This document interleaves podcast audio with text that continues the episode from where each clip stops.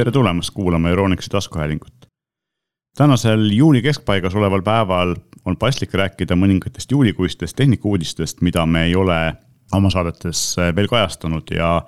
loomulikult olen ma selleks kutsunud endaga uudiseid lahkama meie tehnikaekspert Indreku, tere. tere hommikust. Ja mina olen Meelis Väljamäe ja alustame loomulikult kõige põnevamatest asjadest. Ja need on või asjadest, millest meie kliendid kõige rohkem kuulda tahavad ja mitte ainult meie kliendid, vaid inimesed üldiselt. Ja need on uued telefonid, millegipärast telefon on see kõige populaarsem tehnikavidin tänapäeval, kell on ka natukene ja kõrvaklapid, aga. aga kuidagi telefonid, eriti kui see on iPhone, siis see, see tekitab inimestes sellist äh, ootusärevust, aga iPhone idest meil veel juttu ei ole, sest et äh, nende uute mudelite saabumine on veel mitme kuu taga, aga on tulnud ja, või tulemas paar sellist äh, natuke teistsugust telefoni ja esimene neist on siis Xiaomi kaksteist S Ultra ja üldse kaksteist seeria, kolm mudelit on seal, aga Ultra on nagu selline, millest peaksime võib-olla rohkem rääkima, sest et tegemist on ühega väga vähestest telefonidest, millel on siis äh, ühetolline pildiandur, see võib-olla ei ütle väga palju, aga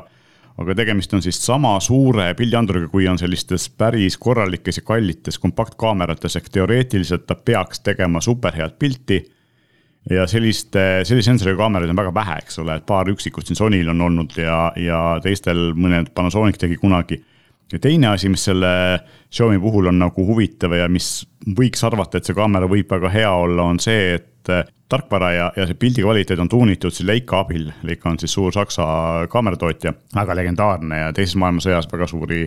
kuulsaid pilte pildistati just Leica kaameratega. väga hea optikatootja. just, ja Leica teadmiste abil on siis äh, see pildi kvaliteeti parandatud ja varem tegi Leica koostööd Huawei'ga, mis praegu tänu sanktsioonidele enam siin Euroopas eriti telefone ei müü ja sellepärast ilmselt ongi Leica otsinud nagu uut partnerit, kus oma teadmisi siis nii-öelda telefonimaailmas ka rakendada ja, ja loomulikult ta leidis selle Xiaomi näol, kes on siis äh, hetkel üks maailma suurimaid telefonitootjaid, eks ole, Apple, Samsung ja Xiaomi ongi kolm kõige suuremat. ja noh, mõnes mõttes loogiline, eks ole, et eks ega Leica tahab ka ju teha koostööd firmaga, kelle telefonide peal oma logo laiemalt näidata saaks, eks ole, miks mitte teha siis kellegi sellisega, kes abi vajab, et ilmselt Apple ja Samsung väga abi ei vaja selle koha pealt ja, ja samas, kes nagu väga piisavalt kogus müüb, et neid, seda Leica nime nagu miljonid inimesed näha saaksid seal telefoni taga, eks. ja noh, vaadates Huawei sellist ajalugu Leicaga, siis tegelikult eh, sellest oli nagu palju kasu, et päris tihti on see, et võetakse see tuntud fotofirma bränd ja pannakse sinna telefonile peale ja ega tast nagu väga palju kasu ei ole, lihtsalt nime pärast. aga Huawei Leica koostöös tegelikult äh, peale selle, kui ta koostöös hakkas, läks Huawei pildi kvaliteet ikka telefonidel märgatavalt üles. et, et ootan, et Xiaomi'ga juhtub sama, mitte et Xiaomi kaamerad nagu varem oleks kehva pilti teinud, eriti just kallimas hinnaklassis. aga siiski siin Pixel iPhone'id ja, ja Samsungid tegid tipp, tipptasemel ikka veidi paremat pilti ja. ja nüüd, kus neil on nagu selline tohutu suur sensor, mis väga palju valgust püüab. ja samuti siis äh, see Leica abi, siis ma usun, et need äh, pildi kvaliteet läheb kõvasti üles jah, noh, siin no, telefonil ju peale, no ekraan on juba valmis. Äh, akud on ju valdavalt ju valmis, neid enam pole suuremaks tehtud ja praegult ongi just see, see foto pool, mida üritatakse või siis tahetakse ja parendatakse meeletult palju. ja just see ühetolline sensor nüüd see, sellel telefonil ja, ja Leica optika selle juures, noh, see äh, astub, ma arvan, siin kõigile tipptootjatele nii tugevalt kandadele, et et selle, selle foto tegemisega püütaksegi nüüd siis selle telefoni puhul nii-öelda seda klienti uuesti jälle telefoni vahetama tuua. et, et saaksid äh, nii ilusad, kuna noh, foto, foto tegemiseks on sul tihti ainult üks võimalus Just. ja sa saad selle momendi korraga ära nii-öelda või noh, saad selle kõige ilusamal kujul siis kohe nii-öelda purki püüda just, et teist võimalust ei pruugi tekkida, eks ole. kuna need andmed on täiesti tipptasemel ja üritavad konkureerida, siis äh, selliste tipptegijatega, siis ka hind näitab sama asja, et see Euroopas ta veel ei ole välja kuulutatud, praegu hetkel on ta müügil siis Hiinas ja ilmselt tuleb ka siin lähikuudel Euroopasse, aga me ootame ikkagi seda, et ta jääks sinna tuhande kahesaja euro kanti, mis tähendab seda, et ta on ikkagi sinna Galaxy S kakskümmend kaks ultra ja iPhone kolmteist Pro Maxiga ühes hinnaklassis, eks ole, et selline päris, päris tipptasemel hinnaga ka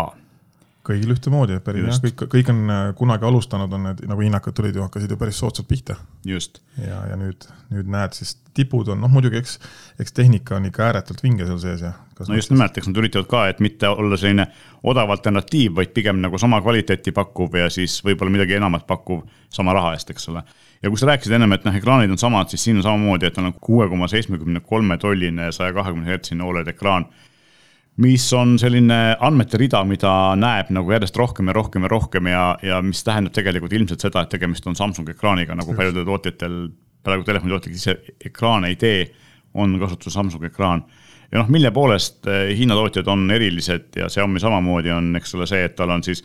kuuekümne seitsme vatine juhtmega laadimine, mis peaks selle suure aku täis laadima umbes poole tunniga ja viiekümne viie vatine juhtmevaba laadimine, mis on nagu eriti uskumatu, eks. jah, see juhtmevaba on tõesti täitsa müstika, et kui kasutan ise Samsungil, Samsungil vist on äkki viisteist vatti maksimaalselt, maksimaalselt. Mm -hmm. ja siis, äh, kui autoga sõidad, noh autos on olemas juhtmevaba laadija ja on juhtmega laadija. ja siis, äh, kuna see juhtmega laadimine käib autol noh, nii-öelda Android autoga kasutades, siis käib ikka ka suht aeglaselt ja kõrval on ka kiirlaadija siis see, see kuuskümmend või see viiskümmend, viiskümmend viis vatti, mis oli, oli viiskümmend viis vatti? viiskümmend viis vatti, jah. see tundub ikka tõesti ulmekiire võrreldes, noh, mul pole isegi tavatelefoni juhtmega laadimine nii kiire, kui sellel on juhtmevaba laadimine. just. et ma, ja, väga, väga vinge. tegelikult äh, ongi ju see, et minul näiteks on äh, Samsungi telefon, mis ka vist laeb maksimaalselt viieteist vati pealt, aga laadija on selline äh, vanem, mis on vist kümme vatti maksimaalselt, võib-olla isegi viis ja siis ma päris tihti ei viitsi seda isegi kontoris siin laua taga juhtmevabalt laadida, sest et juhtmega laadimine on niivõrd palju kiirem lihtsalt.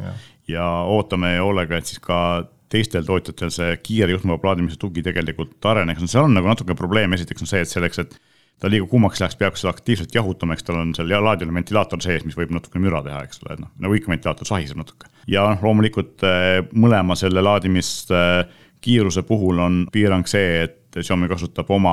tehnoloogiat, mis tähendab seda, et peab olema nend kindlasti Xiaomi enda nii juhtmega või juhtmeva plaadi, et see kiire laadimine töötaks, ta toetab ka kõigi teiste USB-C laadijatega või noh, USB laadijatega üldiselt. aga siis ta ei pruugi selle kuuekümne seitsme vati pealt laadida ja siis juhtmevabalt samamoodi, eks ole, kui sa paned ta tavaliselt Qi-laadija külge, siis ta laeb viieteist vati pealt, mitte viiekümne viiega. jah, Xiaomi näiteks ma ise kasutan oma Samsungi S22 ultra laadimiseks kasutan Xiaomi seda nii-öelda toalaadijat või siis mm -hmm. seinalaadijat, millel on maksimumvõimsus on kuuskümmend viis vatti mm. -hmm. ja ostsin just sellepärast, et äh, ta on mõnusalt väike, kompaktne, häält ta ei tee, olen kuulanud mm. -hmm. aga ma saan sellega ka läppareid laadida. et ongi nagu sihuke hübriidlaadija, kui Lenovo'l endal on see USB-C laadija on sihuke päris suur kobakas, mõlemas otsas on juhtmed, üks läheb seina, teine arvuti külge, vahepeal on siis adapter aga see Xiaomi pisike valge laadija on täitsa ulme, ulme asi, et äh, suht soodne, aga, aga laeb väga-väga äh, kiiresti. Minul on äh, sama asja jaoks kodus nii-öelda kodukontori nurgas, siis on Satechi laadija selline laualaadija, millel on neli pesa, kaks USB-C-d ja kaks USB-A-d ja see suudab ka, ta on vist kokku seitsekümmend viis vatti ja siis sellest ühest USB-C-st suudab ta korraga kuuskümmend viis välja anda, nii et ta suudab samamoodi mu läpakat laadida, telefoni laadida, tahvlit mul ei ole, võiks ka tahvlit laadida ja ja tegelikult sihuke kõrvaklapp, eks ole, et põhimõtteliselt nagu ühe laadijaga kõik asjad on ju, et see on ja, tegelikult väga mugav. ja ta on piisavalt kompaktne, et, et kui kuskil reisil on vaja kaasa minna, siis saab ta kaasa võtta just selle eesmärgiga, et on olemas väiksemaid ühe-kahe pesaga, eks ole. aga see on just selle jaoks, et kui ma tahan tõesti nagu mitut asja korraga laadima panna, siis ma saan ühe laadiga hakkama, et, et selles mõttes on ta nagu hea, hea mugav kaasa võtta. aga kui me rääkisime siin sellest, et äh, Xiaomi'l on äh, see hind on nagu ikkagi päris kallis ja selline teiste konkurentidega võrreldav, siis tegelikult ega nad siis ainult seda ei tooda, et nad tegid ka noh, lisaks on Xiaomi'l odavas hinnaga siis väga palju erinevaid telefone, aga aga selles ultra või selles kaksteist S seerias tegid nad siis ka tavalise kaksteist S-i ja kaksteist S Pro, mis on siis natukene soodsamad. Pro'l on täpselt sama ekraan, mis seal ultral ja S-il on siis väiksem kuue koma kahekümne kaheksa tolline ekraan, aga kõik nad on saja kahekümne hertsised, ehk siis äh, peaks olema sujuv liikumine selle ekraani peal. ja põhivahe ongi selles siis, et teistel on tavalised, noh, väiksema sensoriga ehk siis sellise üsna sarnasega teistel tavalistel kaameratel, need hinnaklassid jäävad ka sinna nii-öelda tavaliste äh, Äh, tipptelefonide hinnaklassiks sinna kuskile viiesaja tuhande vahele, sõltuvalt siis mudelist, eks ole. on tulemas siis Euroopa turule nad ilmselt siin äh, suve jooksul, võib-olla maksimaalselt sügisel, mis tähendab tegelikult seda, et äge on näha, et tuleb nagu konkurentsi ikkagi juurde ka tippklassis, et Huawei see kunagi oli, nemad on läinud ja, ja sellisele meie turul äh, Apple'i ja Samsungi kaksikvõimule tuleb mingisugust vaheldust, sest noh, Google Pixel on ka tegelikult, aga kuna seda Eestis Google ei paku,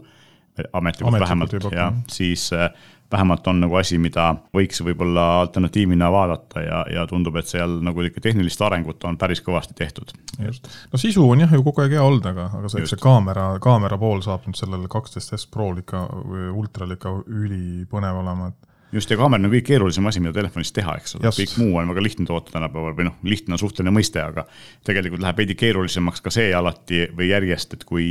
vanasti oli nagu üks äh, sagedus, millega telefon pidi mobiilivõrgus olema, siis nüüd 5G ja 4G ja 3G ja, ja lisaks nendel erinevatel G-del on siis erinevad sagedusalad ja need, see antennide ehitamine või disainimine on tegelikult päris keeruline, aga, aga noh, kaamera tegemine on veel keerulisem, nii et, et selle hea kaamera tegemine just, kaamerat oskab igaüks teha, aga head kaamerat teha on, on päris, päris karm. ja muidugi, kui nüüd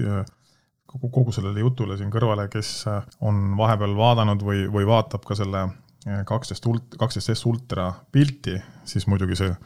kaamera nii-öelda klots telefoni taga, no see näeb ikka äärmiselt massiivne välja ka. no ta näeb ka nagu kaamera, eks ole. näeb nagu, ta näeb ja. välja nagu täpselt nagu fotoka objektiiv, objektiivi siis nii-öelda esimene osa, et, et ta on ikka meeletult suur. kus siis teised eh, nii-öelda need teleobjektiivid ja makrod on ehitatud siis ümber selle rõnga sinna Just. sisse Just. ja siis keskel on ühe sensorina, ühe tollise sensoriga objektiiv. jah, et kui sa võtad ta kätte tagant, siis alguses tundubki, et tegemist on fotokaga, mitte telefoniga. jaa, ta ongi tagantpoolt, natuke veel... meenutab kunagi ühte Samsungi, Samsungi mobiili, mis oligi hübriid äh, digifotokaga koos. oli füüsilise suumiga kaamera, eks käis välja. suumiga fotokas oli see, kaks asja olid üheskoos, ikka parajalt pontsakas asi. aga, aga pildid olid head. täpselt ja kui me juba telefonidest rääkisime, siis võib-olla räägime korraks ka ühest teisest telefonist, mis, mille kohta me tegelikult ei tea, kust ta Eestisse tuleb, me teame, et ta tuleb Soome ja kuna Soomest hakkab Elisa müüma, siis võib juhtuda, et ka äkki Eestis hakkab Elisa müüma ja võib-olla hakkab keegi, hakkavad ka ta, nad ikkagi pakkuma nagu meie või, või kellegi sellise iseseisva äh, müüja kaudu, et äh, mitte Eli, operaatorite kaudu. Elisa vist tegelikult müüski ju näiteks ka OnePlusi esimesena vist ametlikult just, meil. teistel, teistel, ma ei tea, kas ta üldse käis ametlikult teistelt läbi või mitte, Elisa oli see, kes oli. jah, operaatorite puhul Elisa oli jah, et äh, oli see põhiline, neile üldse meeldib sihukest äh, nagu katsetada teiste alternatiivsete asjadega ja vaadata, kuidas see rahvale meeldib, et. Nothing Own on, on saanud äh, hästi palju sellist meediakära viimase nädala-paari jooksul ja nad näha, et nad oskavad teha nagu väga hästi oma turundust, et tegemist on siis Carl Pei, kes on, ongi OnePlusi looja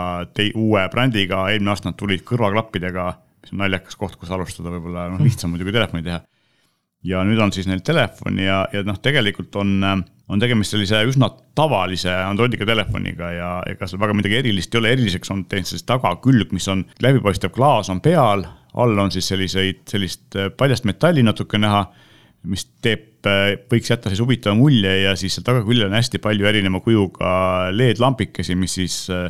näitavad äh, valgust, kui tuleb kõne sisse või mingi teavitus või, või mingitel muudel juhtudel, et töötab ka mingil määral mingisuguse taskulambi moodi asjana.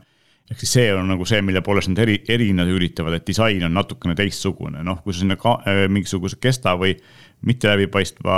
ümbrise peale paned, siis, siis see, see eelis on kadunud. siis pole kasu jälle. aga püüavad nii-öelda pilku, noh, natukene teevad selle telefoni nagu välimust või siis visuaali nagu muudavad oma selle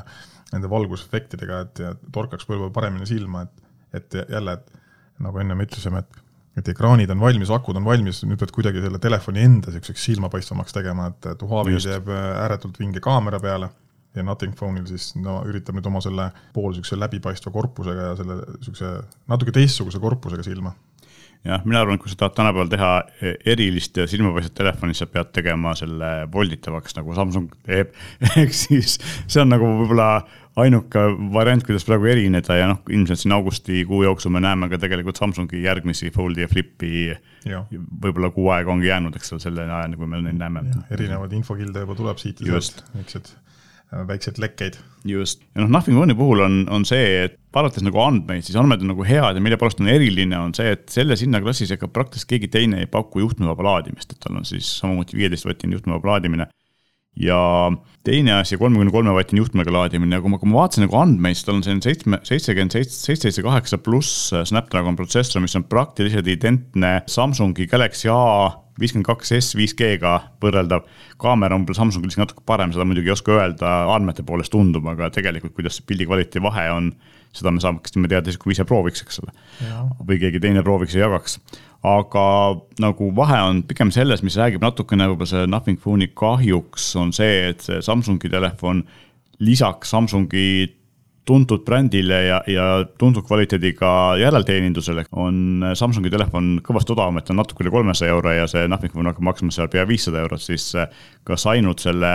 põneva välimuse ja juhtmevaba laadimise pärast nagu sada viiskümmend, kakssada eurot juurde maksta on mõistlik, see on juba omaette küsimus, mida peab siis iga inimene ise vastuse leidma. kusjuures minu arust näiteks, mis on üks Samsungil, on üks äh, oluline äh, lisa, on see, et äh, mis Nothing Phone'il ei ole, on IP. IP kuuskümmend seitse on ja. ehk siis veekindlus, mis on Samsungil olemas. enamus mudelitel nüüd juba on vähemalt IP kuuskümmend seitse, nii tolmu kui siis äh, tolmu siis kui vee vastu, et võid põhimõtteliselt teda ka tööle kaasa vedada, siis millegipärast on see number on Nothing Phone'il juba väga väikene, et IP viiskümmend kolm, et see on ainult noh, nii-öelda splash proof ehk siis natukene Just. võib midagi peale pritsida, aga päris vette, vette taga minna ei või. et seda ta ei kannata noh, ja siis loomulikult lisaks see, et kui selliseid soodsamaid telefone ostetakse päris palju lastele, siis äh, Nothing Phone'i puhul on ikkagi see, et aga tagakülg on klaasist, eks ole, mis äh, on küll võib-olla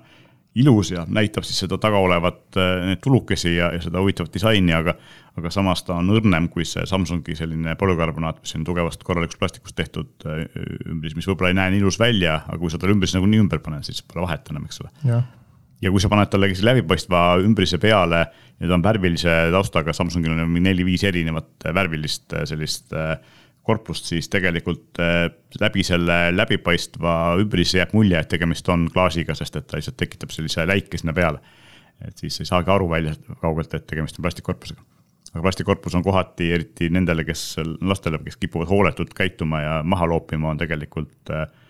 ohutum selle koha pealt, et äh, mõrasid ei teki sinna sisse niisama lihtsalt. jah, ta nagu andestab kasutajavigasid rohkem. just et selles mõttes on huvitav telefon, aga, või huvitav on just see, et kui palju ta on saanud nagu tähelepanu meedias, aga võib-olla, võib-olla veidi liiga palju, eks me näe, kas see ka siia Eesti turule jõuab, aga seni on meil olemas siin eh, varem mainitud Samsungi telefoni näol näiteks täiesti vääriline alternatiiv, mida võiks võib-olla asendamiseks hoopis kaaluda, eks ole. ja võib-olla lähme siit edasi heli juurde, et meil on kaks nagu sellist eh, huvitavat heliga seotud uudist. esimene on see, et Sennheiser hakkas tegema koostööd, äh, ei, Netflix hakkas tegema koostööd Sennheiseriga, mitte vastupidi. või Sennheiser Netflixiga. me ei tea täpselt, kuidas. jah, kumb kummale lähenes ja pakkus, siis äh, Sennheiseril on selline tehnoloogia nagu Ambeo, millega nad on teinud oma soundbar'e, mida on üsna palju kiidetud ja mis tekitab siis virtuaalse ruumilise heli, ehk siis noh, tegelikult kõik soundbar'id üritavad seda teha, aga aga väidetavalt on see Sennheiseri tehnoloogia nagu eriti hea ja ja oskab nagu siis tavalisest kahe kanalisest signaalist ja eriti kui sinna kahekanalise signaali sisse on peidetud mingisugune ruumiline heli ära, nii et sa kõrvaga seda ei kuule, kui sul vastu tehnikat ei ole, näiteks Dolby Atmos või, või vanasti Dolby Logic oli, eks ole, nüüd on Atmos, mis on parem. ja tekitab sellest siis, siis päris äh, efektse ruumilise heli ja nüüd on võtnud siis Netflix äh, Sennheiseriga koostöös teinud äh, osad oma originaalfilmid ja sarjad kasutavad seda heli niimoodi, et see on automaatselt sees ja kui sul on siis suvaline stereoseade, vahet pole, kas ta on telefon, on ta telerikõlarid, on ta kõrvaklapid, siis äh, ta peaks tekitama märgatavalt parema ruumilise heliefekti ja inimesed, kes seda on kuulanud, äh, kes nagu saavad vahest aru, oskavad öelda, et on väga hea, mina proovisin ja mulle tundus, et oli nagu üsna kõrvaklappidega üsna hästi ümbristes küll, aga vaata ei ole seda võrdlusmomenti, et kui ta oleks nagu võimalik ka välja lülitada, siis ma saaks teada, kas tegelikult see efekt on nagu hea, kuna ta on kogu aeg sees. siis ei oska öelda, kuidas ta ilma kõlaks, eks ole, et selles mõttes on keeruline. jah, head ruumi tahab saada ja kui võrdlust on, aga, aga noh, need erinevad surround'i lahendused on, äh, nii väga heaks läinud tegelikult. just, ja mulle just tundub, et see, see nagu eesmärk või miks ta mind nagu paelus, on see, et äh, võib-olla just kõrvaklappidega kuulates on, on tavaliselt äh, probleemi surround'i saada, eks ole, et, seal ta võib-olla tekitab nagu sellise päris hea efekti. ja kus seda saab, kõiki filme ja sarju, millel see on, siis piisab sellest, kui Netflixi äpis panna otsingusse lause spatial audio, siis ta näitab kõiki asju, tuleb järjest juurde, praegu on noh, Witcher on populaarne asi, eks ole. Stranger Things neljas hooaeg ja tegelikult seal on paarkümmend on praegu hetkel neid asju, milles, milles siis see uus heliformaat on toetatud, aga aga eks neid tuleb nagu aja jooksul kõvasti juurde, see on nagu selline esimese, esimese nädala valik, aga, aga kindlasti ja, tekib neid veel. saavad selle asja ilusti tööle, vaatavad, toimib ja siis lastakse ka vanemate asjade audiod lastakse üle ja saad Just. kuulata, saad kuulata vana asja uuesti läbi ja natuke teistmoodi, kuuled su round heli ilusalt. just. ja teine asi, mis on äh, helisse puutuv, on see, et tuli uus Bluetooth standard, mis teeb siis lähitulevikus juhtmevabad klapid ja, ja kõlarid veel paremaks, ehk siis ta lubab kahte asja, et esiteks on see, et ta võtab vähem voolu, ehk siis äh, kuulate klappidega muusikat või mida iganes, mingit heli, siis nii see seade, mis seda heli tekitab, eks telefon tõenäoliselt või arvuti või ka jaoklapid võtavad, aku kulub vähem, eks ole, kuna võtab vähem energiat. ja teiseks on siis see, et heli kvaliteet on parem, kuna seal on tavalise klassikalise ja paarkümmend aastat vana koodeki asemel nüüd täiesti uus, mis peaks olema kõvasti efektiivsem. tegelikult neid erinevaid koodekeid on Bluetoothil ka teisi, Apple kasutab erinevaid ja Sonyl on eh, Androidis kasutusel LDAC, Sony Endo oma ja, ja Apet-X eh, on eh, Qualcommil, noh, läheb juba keeruliseks, juba, juba selliseks. palju, palju variante on, aga need on ikkagi see, et sul peab see seade peab seda toetama, aga nüüd selle, selle eeliseks on see, et see on standard ja, ja kui see tuleb, ma arvan, et mõne aasta pärast on absoluutselt kõigil uutel Bluetooth seadmetel see sees, mis tähendab seda, et vahet pole, mis seadme sa ostad, see hakkab tööle, eks ole, ja täpselt samamoodi on siis tuleb see tugi, peab see tugi tulema ka seadmetesse, noh Windows üheteistkümnesse ma saan aru, et on see planeeritud, Android kolmeteistkümnesse tuleb see sisse. ja ma ei oska öelda, mida Apple teeb, aga kuna Apple on seal Bluetoothi standardi nii-öelda väljatöötajate hulgas äh, hoiab siis sellist äh, üsna kõrget positsiooni, siis kindlasti tuleb see ka Apple'i seadmetesse mingil hetkel üks asi veel, mis on nagu eriti huvitav, mida ta teeb, äh, see uus standard on siis äh, Bluetooth heli broadcast ehk siis selline ühest allikast võimalik saata välja mitmetele seadmetele, ehk siis äh, kui sul on mitu paari korraklapp, näiteks mitu inimest vaatab korraga telerit või kuskil, nemad tõid ise näitena selle, et kui sul on jõusaal, kus on telekas ja sealt mängib midagi, saad suunata erinevate klientide kõrvaklappidesse, et see põhimõtteliselt nagu wifi, et sa otsid üles selle seadme poolt tekitatava võrgu, ühendad sinna ja kui see on privaatne, siis paned mingi koodi, mida sulle kuskilt pakutakse sisse, et, et võõrad inimesed saaks ligi, eks ole, ja, ja põhimõtteliselt saad saata piiramatus arvu väidetavalt siis äh, vastuvõtjatesse selle heli. praegult vist on,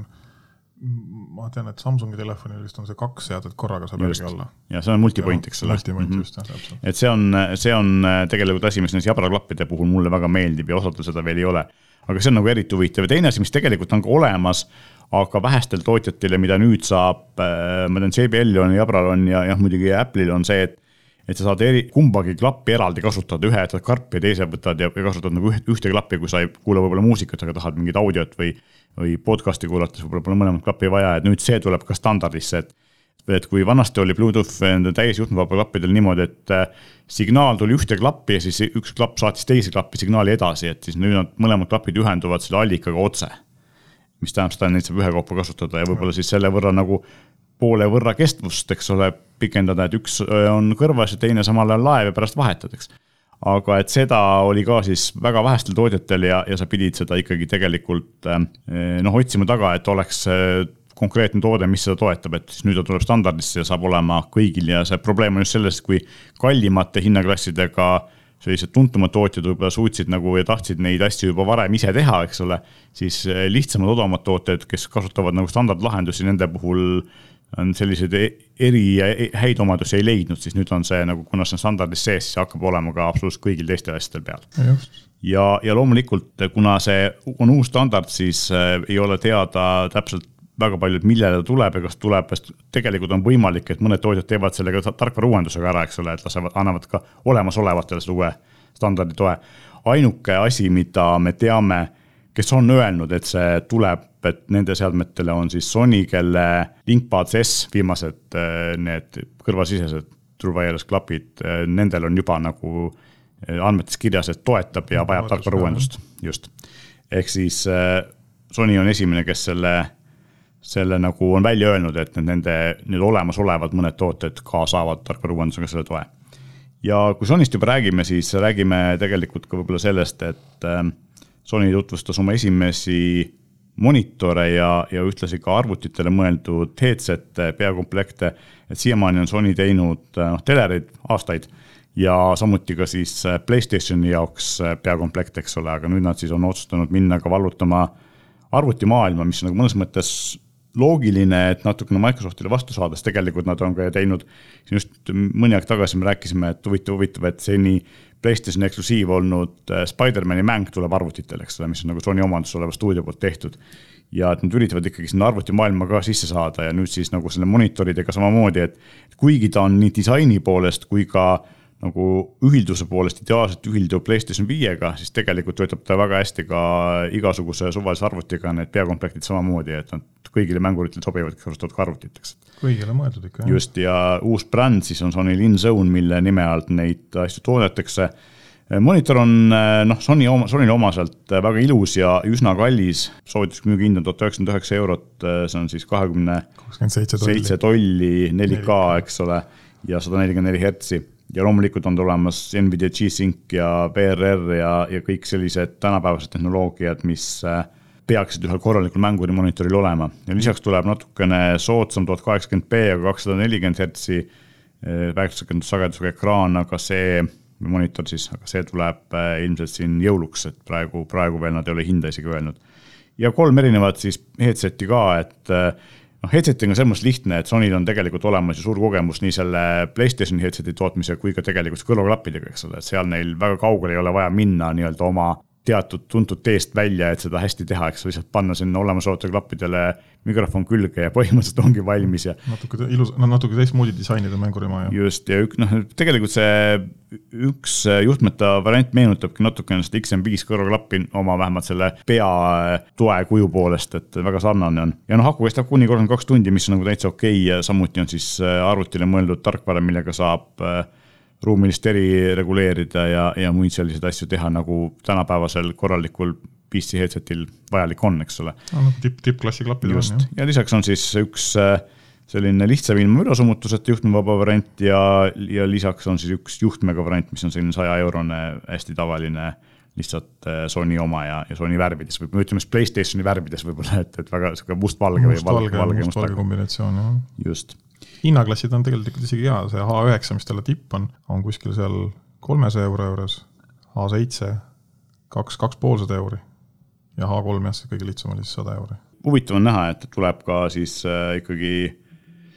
ikkagi nagu Sonylt asju, mis ei ole sirgelt ainult Playstationi jaoks mõeldud, kuigi nad sobivad ka Playstationile, aga, aga on ka nagu arvutimängurid on, on äh, oodatud Sony maailma, täitsa põnev räägime vahepeal ka sellest, et eh, kes on julge ja kasutab eh, Apple'i seadmeid, siis nüüd on väljas eh,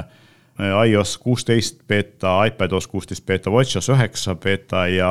macOS-i uue, uus beeta, nii et kõik, kes tahavad, saavad endale uued, uue tarkvara installida, praegu natuke toores, et võib-olla, kes tahavad, et telefon või kell oleks hästi stabiilne ja, ja selline töökindel, siis võib-olla ei maksa betat proovida, kui teil on mõni teine telefon sahtlis vedelemas või siis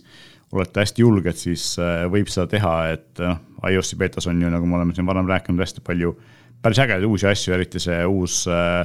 lukustusekraan, kus saab muuta fonte ja panna äh, siis selliseid pidinaid, mis näitavad äh, erinevaid infot, eks ole, samamoodi nagu kella peal saab, saab lisada ja, ja kellal on minu arust eriti palju uut, eks ole, just need igasugused uued spordifunktsioonid äh, siis, äh, mis on väga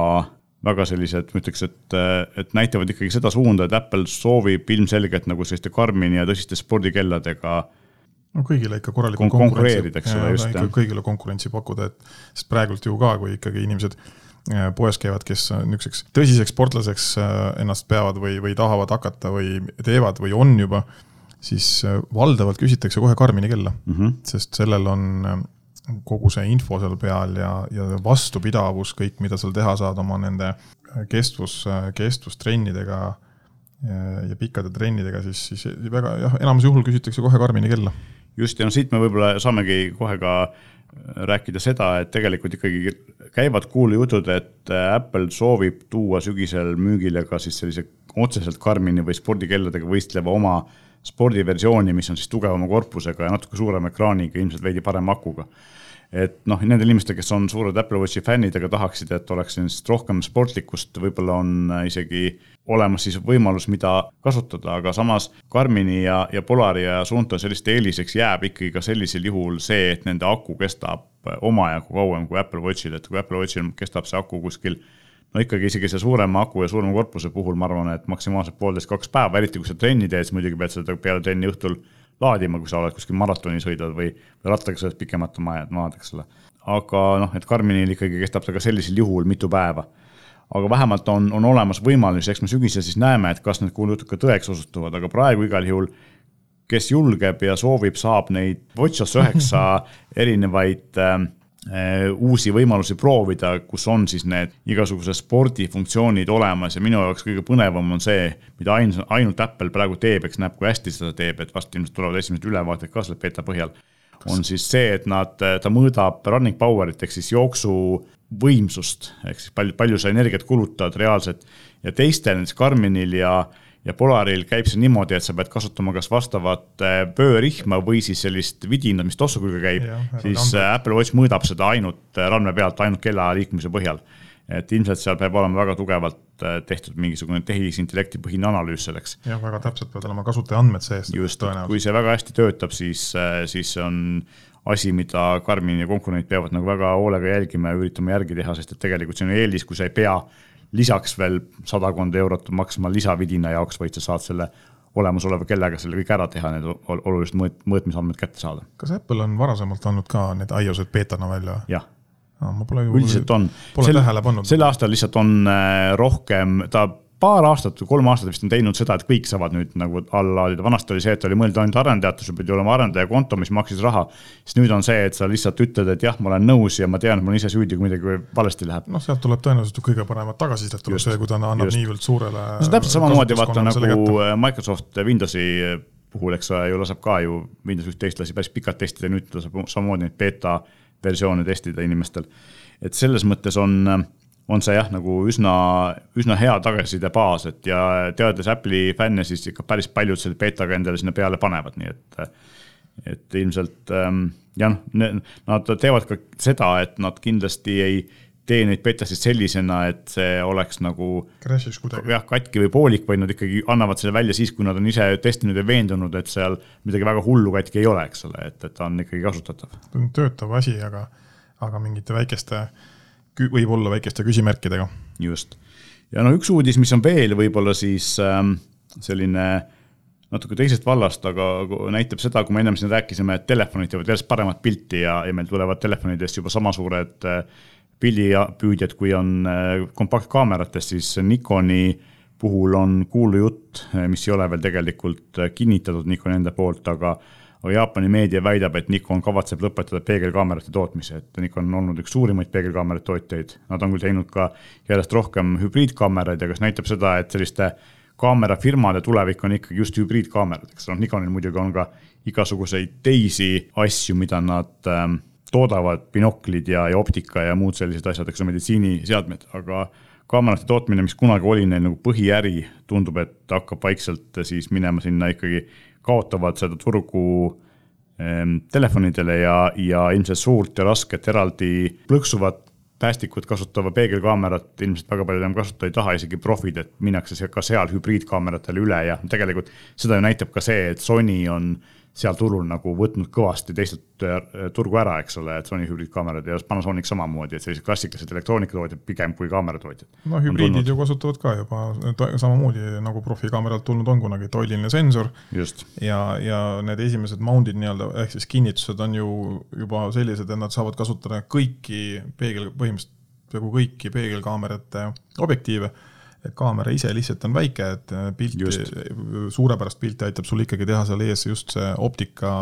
äh, väga hea optika ja selle optika kasutamise oskus. et kaamera võib olla pisike, et tõenäoliselt sellepärast sinna hübriidi suunda minek on. no täpselt, et pole vaja nii palju materjali kulutada ja tegelikult selle peegli tegemiseks, sinna selle prisma sissepanemiseks, see kõik võtab nagu päris palju, teeb selle kaamera kallimaks, eks ole, kui, kui võiks olla ja tänapäeval tehnika piisavalt arenenud, et hübriidkaamerad teevad sama head, kui mitte paremat pilti, nii et miks siis Eh, seda peegelkaamerat jätkata. Ja Canon on juba otsustanud tegelikult siin eelmise aasta lõpust, et nad eh, lõpetavad ära sellise kõige kallima otsa peegelkaamerate tootmise, nii et nüüd on siis järg Nikoni käes, et ilmselgelt varsti me näeme, et peegelkaamerat meil enam ei ole, vaid ongi kõik, mis on nii-öelda päris kaamerad, on on siis hübriidid või siis kompaktid, eks ole, et võib-olla jäävad mõned sellised eriti spetsiifilised stuudiokaamerad, Hasselblad või, või sellised, eks ole. Need jäävadki sellistele kallima kaamera just. kasutajatele jääbki just sellised ja väga-väga kõvad nimed ja noh, Hasselblad on siin väga hea näide. just, ja lõpetuseks äh, rubriik sellest, et äh, mida uut ja ägedat on müüki saabunud, asi, millest me oleme siin ka varem rääkinud, aga nüüd on siis äh, viieteistkümnendast juunist on müügil enne seda saab ette tellida. Ja mis on nagu üle tüki aja üks, üks nagu suur hüpe edasi, on siis äh, Apple'i MacBook Air, selle aasta mudel M2 protsessoriga on müügil. Ja noh, oleme sellest küll varem rääkinud, aga siin on ikkagi nagu lisaks sellele, et tal on uus protsessor ja, ja loomulikult ta on juba, juba laos. Tegelikult on suur edasiminek võrreldes eelmise ER-iga, kuigi noh, hind on ka tõusnud, aga noh, inflatsioon on ka meil, eks ole, aga. aga ekraan on kõvasti parem, et nüüd on tal eh, siis eh, nii-öelda klassikaline Apple'i kulm ehk siis ekraaniraamid on läinud kõvasti õhemaks ja eredus läinud kõvasti suuremaks ja loomulikult täiesti uus disain on, meenutab veidi MacBook Prod, eks ole, jah, et ta on sihuke kandilisem. ja noh, mis muidugi kõigile väga meeldib, siis MagSafe on tagasi. Ehk siis juhe on jälle magnetiga. turvaline ja magnetiga, jah ja ehk siis, kes tahab uut MacBooki osta, siis äh, MacBook Pro M2 protsessoriga tuli meil juba varem müügile, aga Airi tegelikult väga oodati ja nüüd on siis Air saadaval ja seda on võimalik osta. mina väga soovitan ja loomulikult, kellel ei ole nagu sellist kõige-kõigemat vaja, siis tegelikult tuleb öelda, et ka see omajagu soodsam, aga eelmine MacBook Air on ka tegelikult ikkagi selle raha eest nagu väga hea masin, sest et äh,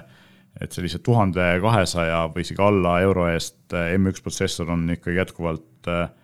selliseks aktiivseks tööks ja, ja kauakestva aku jaoks ilmselt ega see konkurent ei ole. ideaalne valik, jah. just. aga sellega me tõmbamegi selle uudiste saate kokku ja räägime teiega uuesti järgmisel nädalal. meie täname kuulamast.